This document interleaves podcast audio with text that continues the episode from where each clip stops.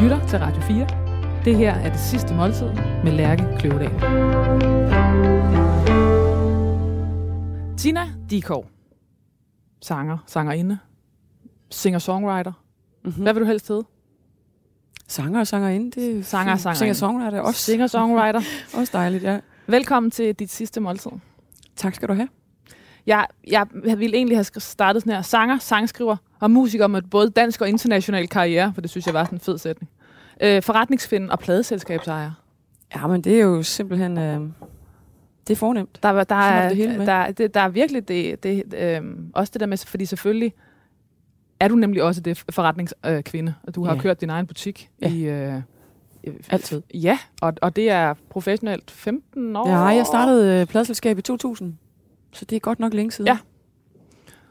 Ganske kort tid efter, at jeg sådan begyndte at, at spille koncerter og komme lidt frem med min musik. Øhm, og det var jo egentlig mest, fordi der ikke var andre, andre der ville sådan for alvor øh, lege på det tidspunkt og, og give mig en pladekontrakt.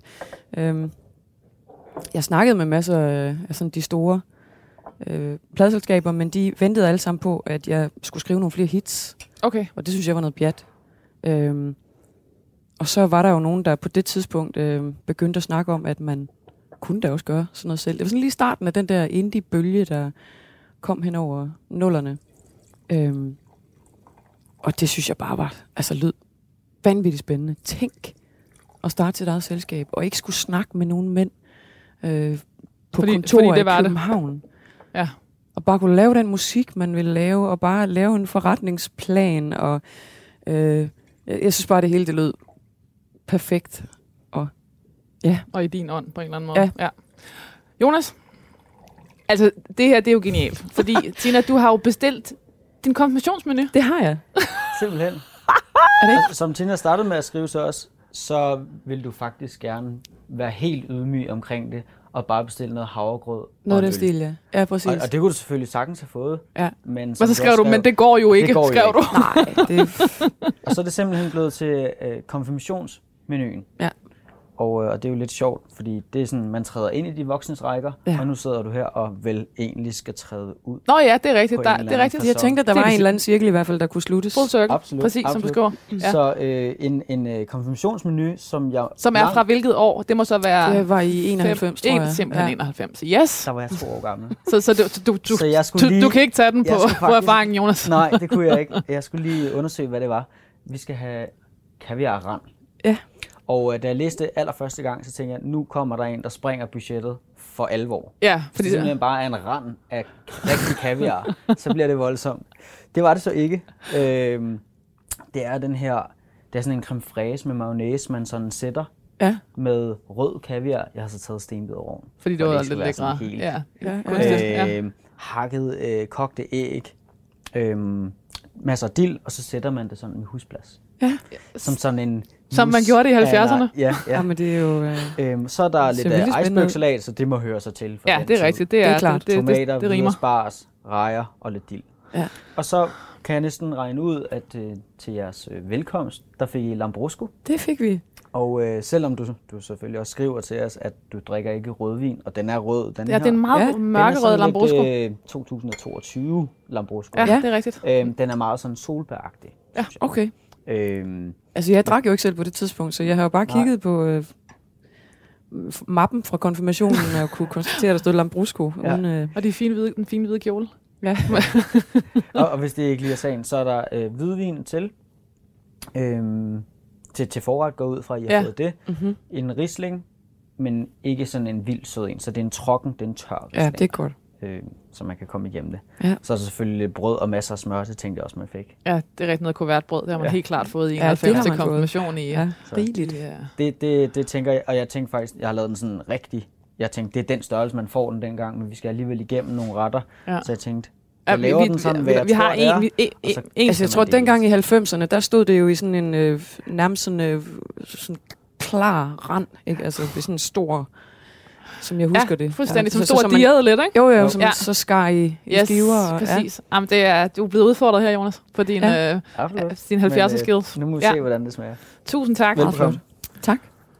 Hvorfor ligger det mere til dig at vælge øh, øh, havregrød og øl? Jeg tror, øh, jeg er jo på alle måder i livet, altså der higer jeg jo efter det simple. Altså simpelthen øh, minimalisme helt ind til kernen. Ja. Og det der, altså tanken om at sådan at skulle, altså det sidste måltid, at man skulle til at, at have et eller andet helt fancy. Nu bliver det jo så meget fancy her, men, men det ligger egentlig mest til mig at vil, altså der skærer man virkelig ind til benet. Ikke? Der, der skal ikke være øh, for meget, der skal ikke være noget ikke være for pynt eller noget som helst. Øhm, Tina, jeg har skrevet nogle øh, overskrifter til dig, som jeg gerne vil have, du øh, forholder dig til. Og i sidste ende, øh, hvor du i sidste ende vælger en af dem. Den første, den lyder sådan her. Øh, vidunderbarn for Åby Høj, international sangstjerne og storfamiliemor i Reykjavik. Tina Dikov er død. mm-hmm. Der er noget med det her øh, øh, vidunder, vidunder, som sådan er gået igennem i mange af de ting, der bliver skrevet om dig. Du bliver også kaldt engel enormt mange steder. Ja, det, det er sgu sjovt nok. Altså, vidunder barn, det, det skuer helt vildt i mine ører. Øhm, men, og det er jo også, altså, jeg er virkelig vokset op øh, med jantelov. Og det, kan, altså, det mærker jeg tydeligere og tydeligere i mit liv egentlig, at jeg har virkelig, og det er jo ikke, øh, det er ikke min forældres skyld, synes jeg, det er, men det er nok især sådan den, den jyske arv, som, som øh, uden at det nogensinde er, fordi der er nogen, der har øh, trykket mig ned, så sidder det ligesom bare i, i, i øh, gardinerne, ikke? Ja, man skal ikke tro, Med man de er noget. historier, man fortæller i, Mhm. imellem hinanden, og det er sådan over det hele, at man skal ikke... Øh, Det er en virkelig vild størrelse. Ja, det er en virkelig vild størrelse. Men det er jo da i hvert fald en fantastisk øh, flot beskrivelse, kan man sige. Vidunderbarn for Høj, international sangstjerne og storfamiliemor i Reykjavik. Tina Dikov er død. Så hedder den næste sådan her. En skudsikker performer. Singer-songwriter Tina Dikov er død. Mm-hmm. Den næste lyder med sin kvalitetssikrede blanding af melankolsk poesi og melodisk lethed, var Tina Dikov et af Danmarks allerstørste musiknavne. Og den sidste, den hedder Kontrolfreaken med den krøllede hjerne. Sangerinde Tina Dikov er død. Ja. Jamen, der er jo noget i det hele, kan man sige. Jeg kan jo nok øh, trods alt bedst lide træerne der. Var det ikke den, der handlede mest om musikken? Med sin, kvalitet, med sin kvalitetssikrede blanding af melankolsk poesi og melodisk lethed, var Tina Dikov et af Danmarks allerstørste musiknavne. Ja. Det synes jeg jo er vældig flot. Må jeg sige. Og den Kvalitetssikret, det er selvfølgelig... Altså, det lyder vældig tørt, men, men, men det har jo også en, øh, kan man sige, en... Altså, det, det, det er jo noget, der er vigtigt for mig. At det, jeg laver, det er kvalitetssikret, ikke? Jo. Så øh, måske... Og hvad handler det om for dig, den der kvalitetssikring? Altså, man kan sige tilbage til, øh, til det, vi snakkede om før, at man skal være sikker på, at man har sin berettigelse på Mm. mm. den scene, så er man også nødt til hele tiden at gøre sig ekstremt umage for at være sikker på, at det, man står på, altså musikken, øh, sangene, det, man leverer, at det er fuldstændig i orden. Og hvordan kan du mærke det? Hvordan kan du mærke, når den er kvalitets, kvalitetssikret for Ej, dig? Kan, altså, jeg kan i hvert fald mærke, at jeg øh, gør mig meget øh, umage, men jeg kan også mærke, altså, jeg kan jo mærke, at jeg, at jeg tager mit håndværk alvorligt. Altså, at, øh, at det der med, med, med sangskrivning, altså, der skal, der skal noget til for en sang, den har øh, sin berettigelse i verden og i mit livsværk, kan man sige. Ikke? Altså, jeg er jo ikke sådan en, der hælder 50 sange ud af ærmet, og så tager de 10 bedste og laver en plade. Jeg sidder hele tiden og, og, øhm, og tænker på kvaliteten af det, jeg laver. Og lige så snart jeg kan mærke, at det her, det er sgu, øhm, du, det er ikke helt, øhm, det er sgu ikke helt godt nok, det her. Så, så, øh, så stopper jeg som regel der Mm. og går i gang med noget, der er godt nok. Altså, jeg arbejder jo næsten altid sammen med min mand, øh, og han er jo vældig, vældig god til at, at bounce alle de her ting opad. islandsk musiker Helgi Jonsson. Ja. ja. øh, som selv er sangskriver, som i virkeligheden jo altså laver præcis det samme, som, som jeg gør, og forstår det til fulde, men, men som sangskriver på en helt anden måde, altså hvor jeg er mere historiefortællende, og mere sådan kantet i min måde at skrive på, altså, min, sådan, altså der er struktur i det, jeg laver, ikke? Øh, hvor han er mere Intuitivt? som et eller? islandsk landskab. Ikke? Altså, Og hvad betyder det i sangskrivningen? At være man, man kan sige, altså, hvor jeg, jeg er den, øh, jeg er Obi Højs øh, villavej, ikke? Altså, der er orden i Penalhuset. penalhuset. Ja. Øhm, og, og han er de her landskaber, hvor øhm, det er okay, at ting de bare kører derud af. Der behøver ikke ske så meget nødvendigvis. Bare det er smukt, bare det er øh, følelsesladet, øh, altså, nogle, altså noget musik, som er nogle store emotionelle landskaber. Det, det, er jo, det ligger jo ikke til mig for eksempel at lave sådan noget. Det vil jeg ikke vide, hvornår det er, hvornår har det sin berettigelse, hvornår er det her store, øh, smukke stykke, hvor der ikke sker noget. Hvornår er det godt nok? Hvornår er det relevant nok for en lytter? Den fornemmelse har jeg ikke. Men når det handler om at lave og, og skrive sange, som har en, en struktur, og hvor at det, det, det har, altså sådan en sang, den, skal, den, har, den er, øh, den skal have nogle tyngdepunkter her. Den skal ligesom, hvis den går derhen, så er den nødt til at gå op der, og så skal der ske, så skal, det er jo, det er jo det er sådan en fornemmelsessag, ikke? og hvor at med stort set alt andet i mit liv, der, der er jeg en tvivler. Men lige præcis det der med, med en sang og sådan at føle, hvornår den har sin berettigelse, og hvornår den er færdig, det, hvornår der er en kvalitet i sangen, det synes jeg faktisk, jeg har styr på. Ja. At, at berettigelsen i det hele taget, er den, er den stadig en, du ligesom forhandler med? Altså din egen berettigelse? Absolut. Hvad handler det om? Jamen det handler vel om, øh, jamen det, det, altså det handler bare om, øh, om den her følelse af, hvorfor, altså hvorfor skulle det være mig, der står der? Hvorfor er det ikke øh, altså byttet om? Hvorfor er det ikke dem, der står hernede foran, som Mm. står heroppe? Øh, men ja, det er bare den, den, den grundlæggende øh, sådan øh, jantelovs ting, jeg er flasket op med. Og, og er det også en angst for ikke at være god nok? Sjovt nok ikke. Nej. Nej. Fordi jeg ved sgu godt, at... Øh, jeg ved godt, jeg er god nok til at stå der. Så, så øh, det, er, ja, det, det er simpelthen bare en, en, en, en grundfølelse, ikke? Af at, øh, at skulle, at skulle øh, blive ved med at, at bevise et eller andet. Over for publikum og over for mig selv. Og det er vel også øh, typisk det, der gør, at folk bliver ved, og at de blive ved med at være gode, vel også, ikke? Altså, at man ikke, øh, Er der en stræben? ja, Mm. at man ikke bare sådan begynder at slappe lidt for meget af med det. Hvad gør du ved den? Fordi jeg, for, jeg formoder, det er, en, det er en, bøvlet størrelse.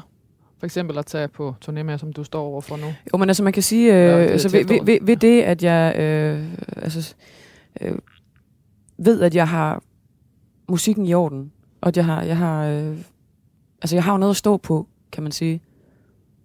Jeg går ikke derop som, som en eller anden, et eller andet menneske, Tina Dickow, som bare sådan øh, synes, at hun selv er sej. Jeg går derop øh, med, med et kæmpe, øh, altså en bagage af, af musik, som er fuldstændig øh, i orden, ikke? Jo. Alene det her med, at jeg altid, at jeg har bygget hele min karriere op på noget, som jeg kan sætte mig ned og spille på en akustisk guitar. Det er virkelig, virkelig basic, ikke? Det, det Og er, jeg det ved er godt- næsten øllen og øllen og Ja, det er nemlig øllen ja. Og havregrøden, ikke? Fordi Ja. jeg ved godt, jeg kan godt stille mig op på orange scene på Roskilde, tror jeg faktisk, med en guitar. Og så kan jeg sgu godt underholde folk. Og jeg kan godt få dem til at gjorde i grine. forgårs på o- i operan, som jeg med mig også er en stor scene Ja. at betræde, ikke? Altså, Altså, øh, så, så, så, så øhm, der er ikke noget, altså det, det, som jeg leverer, er ikke bygget op omkring pynt eller øh, Mm. et eller andet sådan øh, stil over substans, kan man sige. Jeg har hele tiden fra dag et sørget for, at det her det er substansen, det handler om. Og, og i og for sig kan man sige, at det er ikke mig, det handler om. Det er det, jeg hele tiden har været så, så bevidst om, kan man sige. At det her, det handler om, det handler om sang, det handler om musik. Det, og, og øh, jo, jo, jeg er formidleren, jeg er performeren, men, men, øhm, men man kan ikke, altså, jeg kan ikke sådan hænge det op på min person, eller øh, jeg kan ikke øh, løfte det som person. Det er, det er et musikalsk, en musikalsk, øh, altså et, et, et værk, jeg har bygget, bygget op, som, som jeg så formidler. Altså, og det, øh, så man kan sige, jeg, er slet, jeg, der, jeg har ingen tvivl i forhold til musikken og det, jeg leverer. Jeg har tvivlen i forhold til mig selv, fordi jeg er kun en, jeg er en brik i det her, ikke? Øhm, jeg er hende, der skal stilles op. Men- Og det, jeg vil sige med det, det, det, det, øh, altså det prisen for det, tror jeg bare primært er, at det er lidt sværere at være fuldstændig nydelsesfuld omkring det. Og bare sådan, altså gå op på scenen og bare sådan sole sig i opmærksomheden og bifaldene og tænke, kæft mand, hvor er jeg sej. Så tror jeg, vi er nået til uh, fasterens festsang. Nej, er det godt. Hold da op, altså. Ah, der er simpelthen noget... Jeg tror, der, altså ikke, jeg tror ikke, det var så flot til min Jeg har konfirmation. bare måttet fortolke lidt efter at tænke sådan, hvad er relativt øh, sådan lidt til den rustikke side og sådan noget. Hvad har vi her? Øh, jamen, som, øh, som jeres konfirmation, eller din konfirmations hovedret, Fedt, hvis jeg var pludselig det var ind- med. Ja. Som jeg husker tilbage fra mørbrad. 91. Øhm, og det, ja, det er er. mørbræd. Ja, jeg har lavet sådan en lidt sådan svampe øh, ting, som er lige rundt om, rundt om mørbrand, mellem butterdejn og, hvad hedder det, øh, og mørbrand. Jeg er ret sikker på, at i 91, der var der mere butterdej og mindre kød. ja, det kan godt være. Og slet ikke noget med, med et lille lækkert svampelag for at give det lidt ekstra Nej, smag. det kan være. Men der stod jo også, der må der også godt fortolkes Ja, en lille smule. yes. Så Absolut. det har, jeg, det har jeg altså gjort. Så stod der øh, smør kartofler. Ja. Og øh, altså man kan jo lave kartofler med smør på 10.000 forskellige måder. Ja. Men hvis du, hvad jeg tænkte med det samme, ja. så er det sådan lidt nye kartofler, vendt i masser af smør. Mm-hmm. Så kogt, vendt i masser af smør og lidt frisk hakket persille. Ja, Sådan. lige præcis. Så stod der ikke noget med, med sovs. Det går jeg helt sikkert ud fra, der har været i en eller anden forstand. Det må der. Det må Ja. ja. have været. Om den har været... Altså den- intet, intet konfirmationsselskab i Jylland uden sovs. Det tror Ej, jeg simpelthen heller ikke på. Det kunne også, nu har jeg lavet en anden, en, en rødvinsovsen kunne det jo sagtens have været. ja. Det kunne det sagtens have været, ja. øhm, jeg har lavet en banæs. Sådan. Men, du, men jeg synes, så havde det måske lidt mere været sådan knortypen. Det havde den, Den har du alligevel nok. ikke kunne sidde på dig. Altså, hvis det var det, du gerne ville, gjort det. Det er slet ikke det, men jeg har, jeg har lavet den selv. Fedt.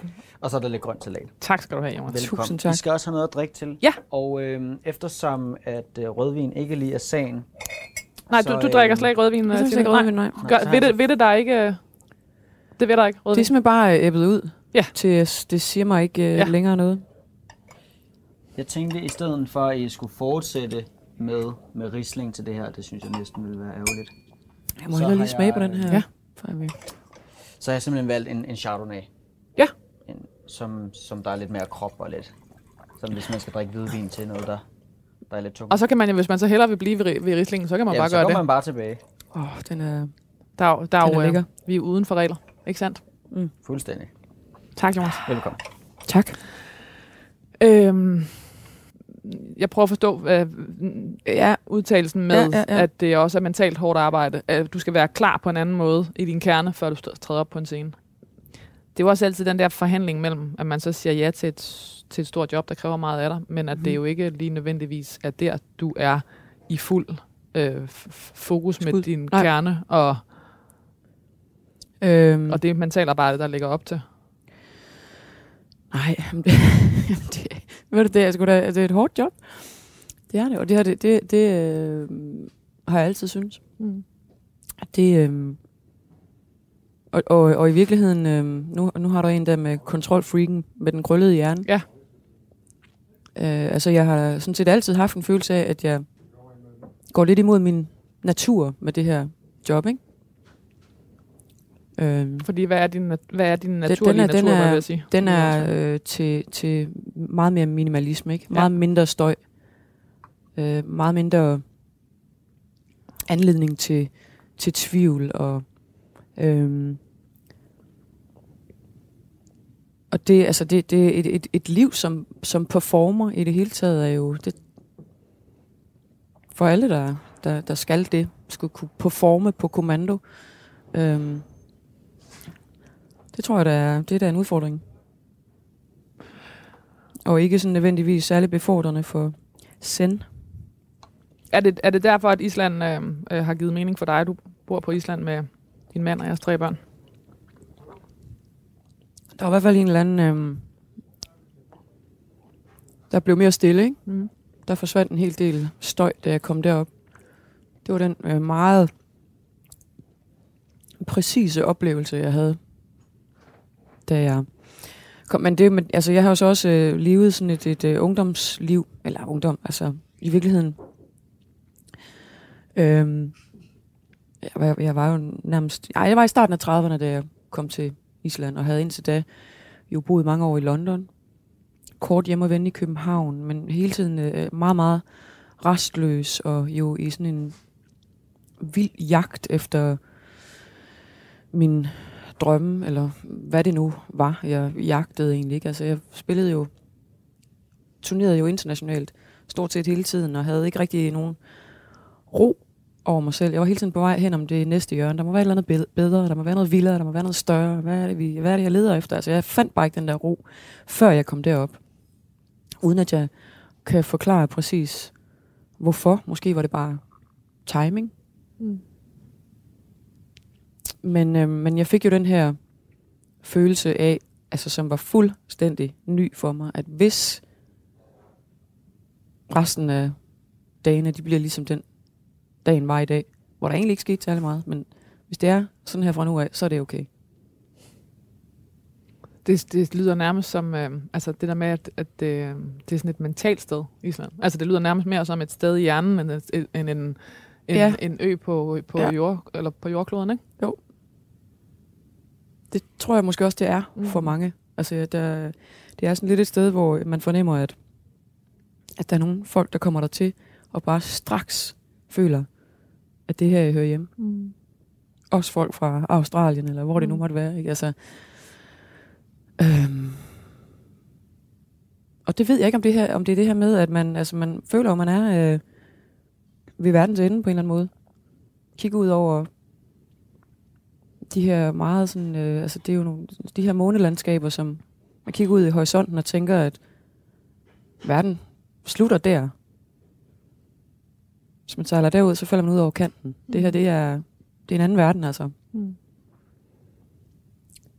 Øhm, men det handlede jo så nok også om, at, øh, at Helgi, min mand, som, altså vi havde jo haft en, en vældig sådan, øh, altså svær start på vores forhold, hvor vi havde sådan svært ved at, at, at finde hinanden, var kolleger længe, inden vi så forelskede os i hinanden på skift, men ikke samtidig.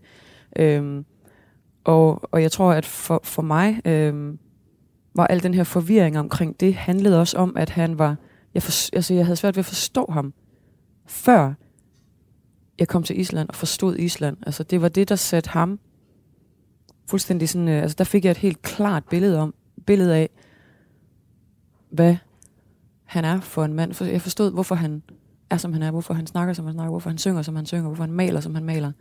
Øhm, og, og, og, og så, så det, på, på en eller anden måde var det også Island, der fik sat på plads, at det her, det er manden i mit liv, og det er her, vi skal bo og stifte familie og lave musik. Hvad gjorde det ved dig at slippe for den støj? Det er jo, altså, det var jo øh, et fuldstændig nyt liv, der ventede der, og det gik stærkt. Og samtidig med, at vi jo så øh, har fortsat med at, at, at arbejde næsten lige så meget, som vi har gjort indtil det. Det er klart, det er, sådan, øh, altså det, det er den balance, der er svær at finde, når der er så meget gang i kedlerne, og man skal lære at sige nej, og lære at finde, finde ud af, hvad, hvad, ja, hvordan man finder balancen og det gode liv. Men var der også noget med, at, at du også fysisk flyttede dig, så der jo nu lige pludselig var et ocean mellem dig og alle de tilbud, Altså har støjen også ligget i tilbudene og i mulighederne, og man kunne jo også... Og ja, det kan, det kan man godt sige, ja. Øhm, man kan sige, det har det, har det her corona altså på en eller anden måde øh, fået vist mig, at øh, altså hvor fedt det har været ikke at skulle tænke på øh, sin stemme og sin Fordi er det, er det også det, der ligger i send for dig, at du skal, være, du skal have Altså, din stemme ja, det, skal jeg, skal, jeg, skal, jeg, skal være, altså, jeg skal vide, at jeg fysisk og mentalt er i stand til at... Øh, og bare praktisk. Altså, at jeg... Det, det, der, der er bare øh, vældig mange ting, som øh, hvis man vil være 100% sikker på, at man kan gå op og, og gøre sit absolut bedste, så, øh, ja, så skal man... Øh, det kan man ikke bare sådan tage i sidste øjeblik. Man kan sige, at det, jeg, altså det, jeg tager med mig fra, fra, fra corona her, som, altså, man, de fleste har vel stået med beslutningen om, skal jeg tilbage i samme Ja. giver, eller vil jeg lave noget om?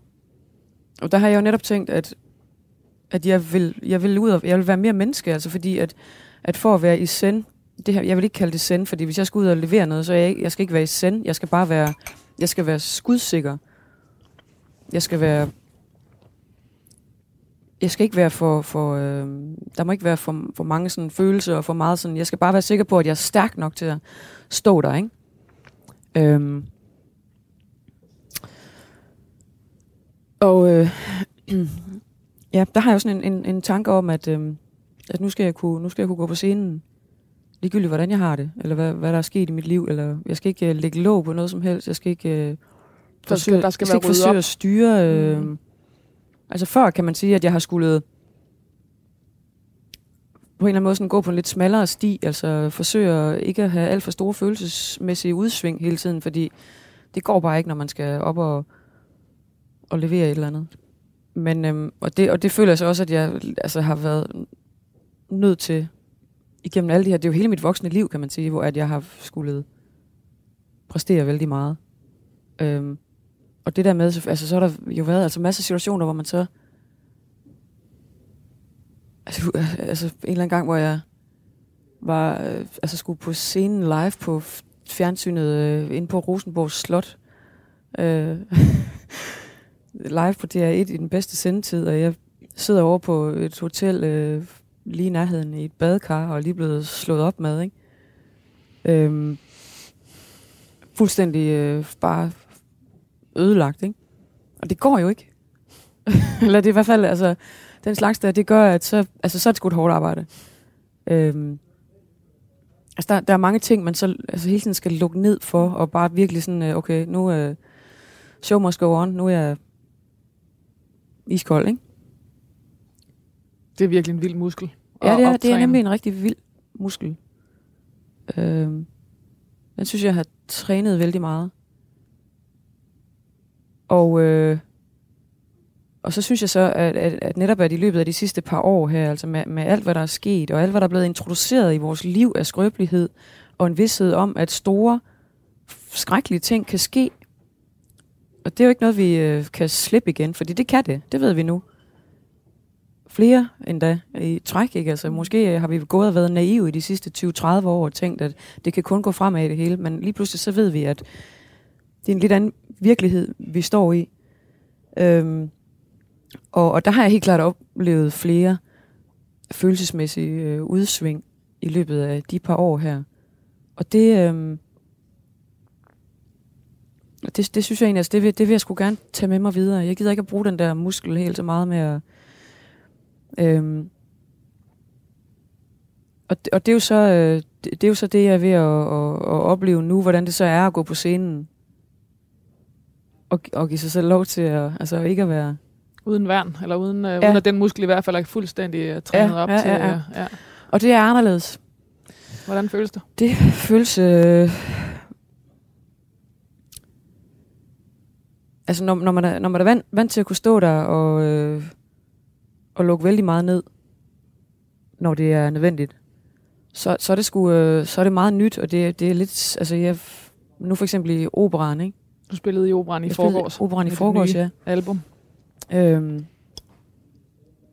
og, og, og med, det, med, det, med det nye album her, som er vældig... øh, Altså jeg kan mærke, at folk de har virkelig øh, taget det ind på en vældig følelsesladet måde. Altså, jeg kan, altså rummet er virkelig pakket med følelser. Og, øh, og, og jeg, jeg kan mærke, at altså, jeg er sådan tit sådan lige... Jeg skal lige øh, altså, passe på for ikke at...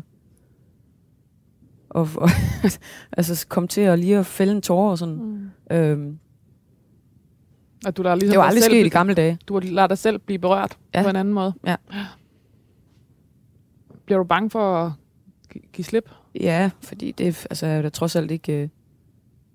Altså, jeg, jeg tror, jeg står lige der nu, hvor jeg skal finde ud af, om det overhovedet kan lade sig gøre, fordi man kan jo ikke, øh, altså, man kan sgu ikke, altså, man kan ikke stå og tage, tage det hele ind hele tiden. Øhm. Så det kan godt være, det ikke er muligt. Hvor er du i den forhandling lige nu? Hvor du har haft to optrædener i træk i København, før du tager afsted hjem til Island lige om lidt? Eller efter det her program? Jeg, står i hvert fald der i den forhandling, at jeg øh, nu står og skal i gang med, en, med nogle festivaler. Ikke? Og hvis jeg havde tænkt, at man også med sådan nogle festivaler kan i lidt højere grad go with the flow og være lidt mere menneske og sådan og sådan. Altså, det er bare en, det er en, det er en stor størrelse, altså at skulle op og, nu skal vi åbne Tivoli i Aarhus for 17.000 mennesker, eller hvad det nu er, ikke? Der, altså, der, der er ikke plads til fejl, og der er ikke plads til, at, åh oh, nej, det havde jeg sgu ikke lige tænkt over, eller sådan, mm. hov, hovsa, øh, har I ikke, eller, altså der, der, øh, der, der skal bare være styr på tingene. Altså i, i, igen det der med, hvis man vil være sikker på, at tingene har den kvalitet, man skylder folk, og det skal have. Men alligevel så oplevede du en opera i forgårs, som øh, folk, der var kommet, havde, var, har været til alle dine koncerter, og, og siger, at det her var den bedste. Altså, du oplevede en, en, en, et publikum, ja, der, er, der var der mere åbent, berørt. Der er helt klart åbent til, ja. til noget. Er det, du forhandler med, med dig selv om, også i virkeligheden, altså, øh, du, du gentager øh, sætningen lidt mere menneske, og det gør du, fordi du har skrevet et nummer, der hedder lidt mere menneske, lidt mindre maskine, som jeg formoder er et af de store hits fra, øh, fra den, den her, ja, det album. Ja. Det, det er det i hvert fald hos mig øh, og i mit hjerte. Øh, men, men, men det du leder eller søger efter lige nu, afsøger, det er, om, om du selv kan stå der som mere menneske. Ja. ja. Om du selv kan holde til det. Altså om det kan lade sig gøre at være... Øh, ja. Altså, øh, det er et svært sted at, at stå, og det tror jeg, det er jo, altså, så kan vi snakke om jantelov og så videre, men det tror jeg, det er det jo for alle. Øhm, så er der nogen, der dulmer det med stoffer og alkohol og sådan, det er der jo mange, der gør for, for at kunne stå der, ikke? Øhm, men om vi kan stå mere sårbare? Altså, om, om, man, om, vi jamen, kan om, være om, man, om man bare kan, kan, kan vælte ind på scenen og bare være sig selv ligegyldigt. Altså, det, det, det, der er ved at stå der, det er jo, at du står foran et kæmpe stort spejl. Det er det, man gør. Og øhm, det er så det, det, du står med. Det får du tilbage. Og du ved ikke, om du kan overskue den følsomhed lige nu? Som du, som du får tilbage? Det er i hvert fald, øh, jamen jeg, altså jeg, jeg, jeg undersøger. Mm. Jeg synes bare, det er, det er en, ja, det er en vild tid, og det har været vildt at lave det her album, fordi det netop altså skriver sig ind i, i, i hvad der har været en, en vældig underlig omvæltning, må man sige. Øhm, og nu sidder jeg her og snakker om død. Ja, for der er jo også noget af det, altså vi kan jo alle sammen blive enige om, at vi hellere vil være lidt mere menneske end lidt mere end, end maskine. Ja. Altså, øhm, og, og, og der er jo heldigvis også en fælles samtale om, at, øh, at, at, øh, at følsomheden er velkommen. Ikke? Jo. Men, og det lyder jo alt sammen godt og rigtigt, men hvad hvis vi ikke kan være i det? Mm-hmm. Altså, hvad hvis vi hvad hvis med alle vores gode intentioner går ja. i stykker, ja, i, i, i, i, fordi vi har smidt alle de parader? Ja. Jamen det er rigtigt, det er der, jeg øh, står. og der, der, der tror jeg nok, at den første weekend her med koncerter, der, ja, så skal jeg sgu hjem og tænke over, om det er, kan, altså, kan jeg holde til det? Og være, og være så meget menneske midt i det, og, og stå og modtage øh, 1500 menneskers følelser omkring mm. døden og livet og tiden og lykken og havde du en oplevelse af, at du gik op på scenen på operan uden et værn? Nej. Det, det, er ikke, det er ikke sådan en følelse. Og, altså, et værn. Altså, jeg står der jo med, med musikken og mine sange. Øhm, målet med at stå der er jo at kunne være i nuet. Altså, på, måske på en måde, hvor man kan slukke for det hele. Ikke? Slukke for alt støj sluk for i morgen, sluk for i går, sluk for døden og, altså, og livet som sådan. Altså bare være fuldstændig 100% til stede i musikken. Kan man sige. Det er mit, det er mit værn på en eller anden måde. Ikke? Sina, jeg nu læser jeg din nekrolog op, eller jeg starter med, din, øh, med, med teksten her. Vi kom fra, øh, du valgte den, der hed med sin kvalitetssikrede blanding af melankolsk poesi og melodisk lethed, var Tina Dikov et af Danmarks allerstørste musiknavn. Tina Dikov var uden konkurrence landets bedste sangerinde og sangskriver i et. Den trone overtog hun fra Anne Linnet for snart rigtig mange år siden. I sine bedste stunder havde oceanske Dikov format til at bide skeer med selv de helt store udenlandske kolleger, der som hun bevægede sig elegant og præcist på linjen mellem kunst og pop. At Dikov samtidig hørte til blandt de mest hårdarbejdende i faget, tjente hende kun til ære. Det blev skrevet i Berlinske 2007. Så tænker jeg, så var vi i gang. Ja. Tina Dikov Danielsen blev født i Aarhus i 1977 og voksede op i et trygt middelklasse hjem i forstaden Åbyhøj. Moren var sygeplejerske, faren var tømmer. Som 11-årig begyndte hun at spille guitar, inspireret af blandt andet Tracy Chapman. Da hun begyndte i gymnasiet, øh, var, var hun med til at danne kopibandet Festorkester. Festorkester, ja. Fest, nå, Festorkester! Nej, Festorkester. Festorkester. Men Ja. skal det lyde som Festorkester? I guess so, ja. Okay, det var, det var en, Det ville være den Jeg sidder og sætter mig blind på, øh, på det. Jeg tænker, hvad er det, jeg ikke forstår? Ja, Ja, nu er det først, ja. når jeg læser den højt, jeg kan Ja. høre det. Festorkester. Men fester. Festorkester, ja. Festorkester. Som spillede til flere gymnasiefester. Mens hun gik i 3.G, fik hun en rolle i den erotiske tv-serie Kausel, Hold da op. hvor hun spillede over for den 41 år ældre Peter Sten og Michael Falk. Efter denne optræden fik hun flere tilbud, men hun brød sig ikke om at blive presset ind i en rolle som en naiv jysk pige, det er et citat, og takkede derfor nej til dem alle. Ja. Du havde en kort, uh, kort karriere som... Uh, Jeg havde en kort karriere som tv-spiller. Altså, jeg, jeg spillede meget teater, da jeg var øh, yngre. Altså lige præcis omkring den der konfirmationsalder, faktisk. Der begyndte jeg at spille noget, øh, noget teater, og, øhm, og, og, og synes, det var vældig, vældig spændende. Og jeg var jo så... Ja, hvor gammel var jeg, da jeg så for første gang stod på scenen som mig selv, som sangerinde. Ikke? Altså det, det var egentlig... Jeg tror nok, at indtil da, der tænkte jeg, at skuespillet var lige så spændende. Men da jeg så spillede min første koncert ind på Musikcaféen inde i Mejlgade i Aarhus, øh, og oplevede at stå der og synge med min stemme, og synge nogle, nogle sange, som ikke var min egen, men som jeg altså brændte for. Og, og, og havde som var Tracy Chapman-nummer? Ja, eller, det var Pearl Jam, og som jeg var sindssygt fan af. Jeg stod jo, jeg havde jo militære støvler og pyjamas og nærmest dreadlocks på, på det tidspunkt. Det var sådan lidt mere, altså sådan kaotisk optræden, ikke? Men, men hvor jeg for første gang havde den der, altså jeg kan huske lige så tydeligt den der oplevelse af, at, at det der ram, altså at, at, at selve sådan projektørerne, sådan helt fysisk, det der med at blive bare blæst igennem af sådan en projektør der, det, at der blev bare fuldstændig hvidt inde i mit hoved. Helt rent og enkelt lige pludselig. Ikke? Altså al den der teenage støj af, hvad man går rundt med i sin svære ungdom. Ikke? Det var sådan Det forsvandt Ja. ja. bare, ja. Det var totalt... Øh, det var en kæmpe stor oplevelse. Der tror jeg nok, at der gik det op for mig, øh, at altså, det var sådan, jeg havde lyst til at, at skulle stå på en scene, hvis det endelig skulle være. Okay, Jones, det er desserttid. Det er til. Og I skal have noget, som jeg heller ikke vidste, hvad var. Som er en... Det er alle de gode klassikere, du Ja. bliver præsenteret for. De, Ja, jeg tror, det er en lokal klassiker. Det tror jeg også, det er. En ishestesko fra Rønbjerg.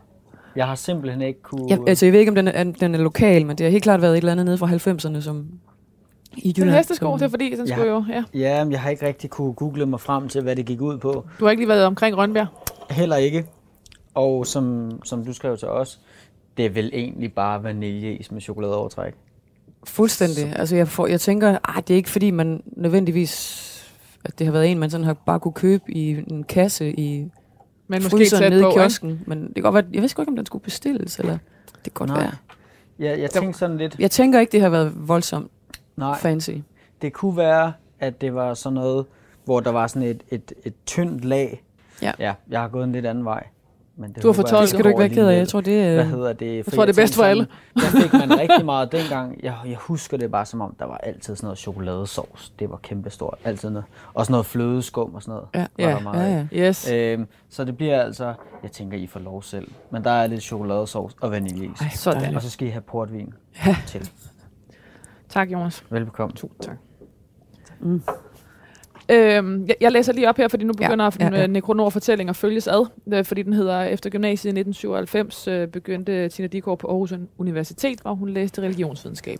Men musikken trak fortsat kraftigt i hende, og hun stoppede et halvt år efter. Hun begyndte derefter på Musikkonservatoriet i Aarhus, hvor hun senere droppede ud for at forfølge, forfølge sin drøm om at blive professionel musiker. Du siger det selv, du kendte ikke, der var ikke nogen fra din familie, der, der ligesom øh, havde gjort det her, og, og øh, man havde et job. Hvordan, hva, hvordan var det for dig at tage det valg? Øh, altså, jeg har hele tiden tænkt, nu prøver vi lige. Altså også da jeg flyttede til London. Øh, jeg flyttede jo...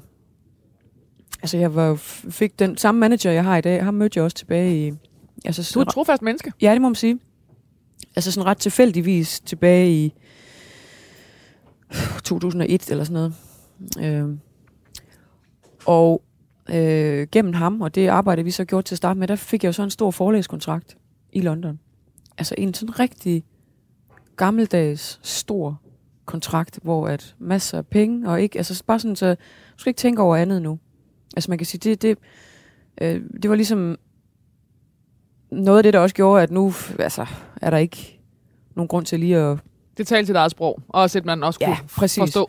Også, ja, også som mine øh, forældre kunne forstå, at, øh, at øh, nu siger man ikke nej for at gøre blive- religionsvidenskab at blive, Ja, præcis. Øhm, altså, så, så skete der jo det ved held og hårdt arbejde fra min managers side, at jeg blev hooket op med det allerhotteste navn i England på det tidspunkt. En producer-duo, som havde forskellige sangere med. De havde for eksempel hende, der hed Sia, som er jo altså et kæmpe verdensnavn i dag. Og der kom jeg med i truppen. Og var jo altså på vanvittig verdens turné med dem på de helt høje navler, og fik den der oplevelse af, hvordan det er, når tingene de virkelig sker. Øhm, og det var så også det, der gjorde, at, at uh, Sony, nu var jeg jo hende den nye sanger inden fra Zero Seven, så der fik jeg så også den store forkromede pladekontrakt. Øh, og noget at lave in the red med dem. Var det sjovt? Var det en sjov tid på de høje navler? Det var en sjov på tid. de ja. høje navler? på, på, på, ja. altså på, på, på sådan en turné der, ja. Og det var jo det var især fedt jo, fordi at jeg skulle ikke øh, bære showet. Det var ikke mit navn, der skulle. Jeg skulle bare komme ind og synge nogle sange. Øh, så det var jo en helt anden oplevelse, øh, end når man selv er solisten. ikke? Hovednavnet. Ja. Så, så kunne jeg jo virkelig give slip. Jeg læser videre her. Ja. Efter, øh, og det her det er fra din øh, første fødselsdagsomtale i, i politikken. Øh, efter lidt single-succes på P3, afviste hun alle pladeselskaber. Oprettede sit eget Finest Gramophone og udgav i 2001 selv sin debut Fuel. Tina Dikov blev en af de første danske popmusikere, der brød igennem til et bredt publikum, primært ved egne kræfter og ikke så meget i kraft af et pladeselskabs kommercielle muskulatur. Skæbnen ville nemlig, at Dikov modnedes menneskeligt og musikalsk netop i de år, hvor ny teknologi fik den gamle musikindustri til at bryde sammen, og do-it-yourself-kulturen inden for musiklivet spirede. Tidligt lærte Dikov, at hvis hun ville være sanger, sangskriver, musiker, komponist i den fagre ny musikverden, måtte hun også samtidig lære at beherske fag som lydteknik, art direction, film, foto og PR. I det hele taget lære at begå sig som selvstændig erhvervsdrivende i ind- og udland. Ja. Er det rigtigt opsummeret? Det er det vel, ja. Altså fordi øh, den, den, den store pladekontrakt, jeg fik, jeg nåede kun at indspille øh, pladen. In the red. Før at de øh, droppede mig igen. Det er også en helt vild energi, det der med. Så er man der. Så er man den. Ja. Og det er, den, det, det er the big deal, og det er det, og det kan man jo se på kontrakten, og på forhåbentlig også på, hvad hedder det, øh, øh, øh, hævekortet. Ja. Øh, og så er det væk. Ja, også fordi, at i lige mit tilfælde, jeg havde jo, det var det, der gjorde, at jeg havde købt lejlighed i London. Fordi nu vidste jeg, at, at det ville være primært England, jeg ville komme til at arbejde i, og alle folkene var jo der, ikke? Øh, så, jeg, så jeg havde simpelthen øh, haft en stor punkt op og købt en lejlighed i, der i Notting Hill-området. Og så øh, ganske få måneder senere, så var det bare, bare bund igen, ikke? Men med den kæmpe store, øh, og det er virkelig, det er dem uendeligt taknemmelig for, at jeg fik pladen. Og det er ret usædvanligt. Altså, hvad betyder det? Det betyder, at den plade, jeg lige havde lavet på Sonys regning, rigtig dyr og super vellydende plade, den fik jeg. Det var bare, værsgo. Altså, du fik Vi- vi, med dig vi- forstået, at Ja, det, jeg at fik det ikke var dem, der ejede den længere, eller hvad? Ja. Okay, Altså det normalt, lyder så, nærmest usædvanligt. det er meget, meget usædvanligt. Jeg har ikke hørt om det før. Altså, øh, fordi normalt så er det bare ærgerligt. Vi, altså, du må bare lave din egen plade så, eller du må købe den af os for en million, eller altså det, det koster at lave den. øh.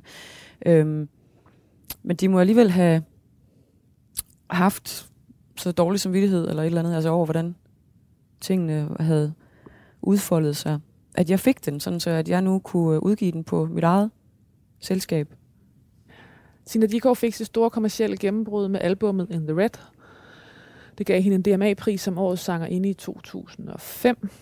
Det blev fuldt op af det selvbiografiske album Count to Ten med hitsingler, med hitsingler som On the, On the Run og Saka Kør, der i 2007 gik direkte ind på førstepladsen af den danske hitliste og lå der i 70 uger.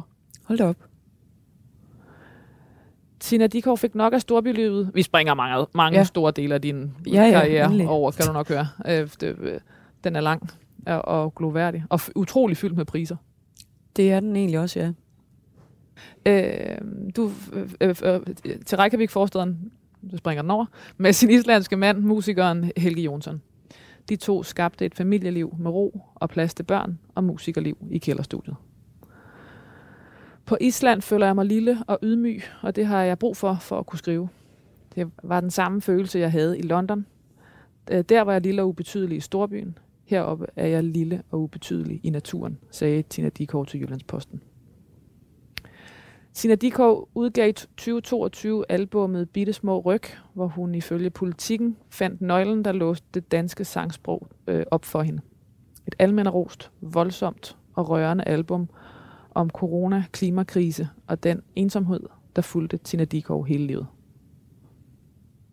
Jeg kan ikke lade være med at tænke på, at for et menneske, der har øh, gjort sig så umage med at afværge katastrofer, i hvert fald de store af dem, at øh, hvad, hvad, hvad øh, øh, coronapandemien gjorde ved dig, fordi det er jo den store katastrofe, man ikke kan gøre noget ved, Mm-hmm. mm. som hele tiden, som, som bestemmer over dig, og som definerer al Ja. den frihed, du har kæmpet så bragt og øh, Ja. dygtigt og professionelt for Ja. ja. afværge. Altså, jeg ved ikke, om min oplevelse har været så meget anderledes end alle andres. Altså, den har været anderledes i den forstand, at, at det er mærkeligt at sidde på en ø oppe i Nordatlanten, når sådan noget her sker. Så langt væk fra familien, som jeg også siger i en sang. Altså, så er det jo, jeg, det rammer mig, at jeg er flyttet virkelig langt væk hjemmefra, ikke? Lige pludselig. Men også fordi vi talte jo enormt meget om corona, da den, øh, epidemien, da den stod på. Øh, og selvfølgelig gør vi det jo stadig i et eller andet omfang. Men, men det, der jo ligesom sker nu, som jeg synes, der er så tydeligt i dit, øh, i dit album, Bitte Små Ryg, det er, at vi- jo først startede med at begynde at tale om, hvad det gør ved os fremadrettet. Ja, Altså, for det var jo en streg i sandet. Det var jo øh, meget, altså, eller hvad skal jeg sige, det var jo det var et afgørende øh, før og efter øh, i vores mennesker. Ja. Altså, jeg blev, jeg blev lidt nervøs, da jeg læste... Øh, altså, det, det første, jeg læste om reaktioner på, øh, på albummet her, det var en eller anden, der skrev, at øh, altså sådan, altså, som om vi har brug for endnu et corona-album, eller sådan et eller andet, ikke? Øh, altså, som om, at alle vi andre, vi er videre, og her står du og vader rundt i det samme, ikke? Øh, altså, der blev jeg virkelig bange for, at jeg, altså, er jeg den eneste, der synes, det her, det er en vanvittig ting, vi skal tage med os herfra. Mm. Det kan jo, altså, men det, vi kan jo ikke, øh, vi kan jo ikke lægge det fra os, at sådan noget kan ske. Og der er sådan Det, det er noget, vi, det er noget, måde, vi, der er helt klart rådet en, en, en uskyld. Øhm, og så kan man selvfølgelig godt være overrasket over det. Altså, det er jo vildt, hvad vi mennesker kan vende os til. til. Øh, og også, hvor hurtigt vi sådan umiddelbart kan, kan rejse os og, og gå videre, uden sådan de helt store skrammer. Men, øh, men selvfølgelig er det da en, en ny virkelighed, vi står i, hvor sådan noget kan ske. Og du mærker den helt konkret, når du skal, fordi du, du simpelthen Jeg kommer til mærker at gå den- op på en Jeg, jeg du mærker, kommer den, at øh, gå jeg på mærker den i mig selv, ja. Ja. Altså, jeg mærker, at jeg er et andet menneske, Ja. som jeg også synger. Mm. Det er jeg da. Og det er ikke nødvendigvis nogen, øh, det er ikke nødvendigvis nogen dårlige ting. Men det er bare, øh, og altså måske endda, øh, altså føler jeg mig mere, mere levende, mere intenst i live. Øhm. Men, øh, men jo, det er, da, det er da en uskyld, der er taget. Altså jeg tænkte jo, da det skete, der tænkte jeg jo, at, øh, at, at hele mit bagkatalog af sange for eksempel, det er der nødt til at, at skrotte nu, fordi at det er skrevet i en naiv tid, før vi vidste, at sådan noget her kan ske. Jeg tænkte, at, øh, at man begynder ikke at stå på en scene og synge sange om noget så småt som kærlighed og... Tænkte sådan, du det? Ja, det tænkte jeg faktisk. Og sådan øh, altså, små længsler i livet og sådan... Øh, det, altså, det, tænkte, det, det synger man ikke om, mens øh, verden er ved at, Du synes nærmest, det var upassende? at falde fra hinanden. Ja. Jeg tænkte bare, det var naivt. Mm.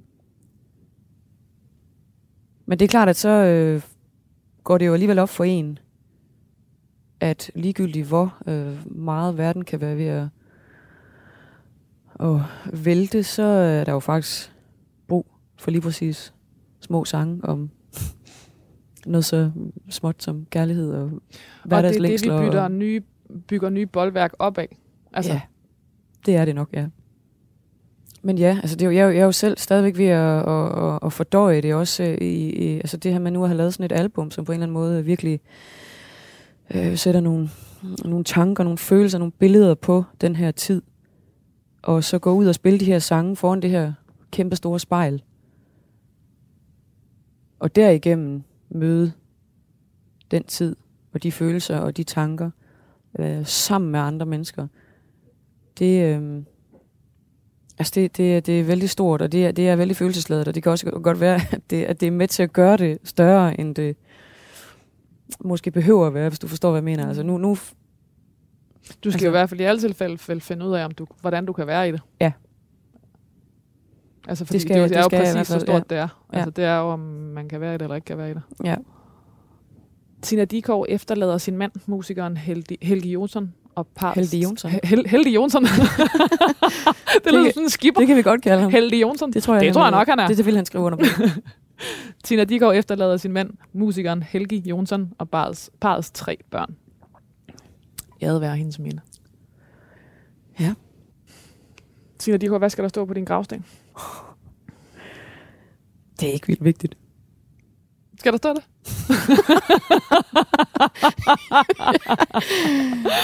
Skide godt.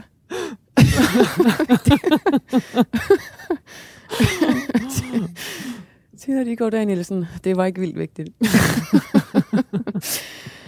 øhm, nej, det er heldigvis ikke mig, der behøver. Og, øh, altså, mange beslutninger skal jeg træffe, og mange ting skal jeg have styr på. For fanden. Men lige præcis den der, det overgår jeg ikke at tage stilling til. Den, den, den tager øh, Helge Jonsson så af, Ja. eller, eller de tre børn, eller overhovedet ikke nogen af dem. Tina Dikov, tusind tak, fordi du vil være min gæst til det sidste måltid. Tak, fordi jeg måtte være med. Du har lyttet til Det Sidste Måltid.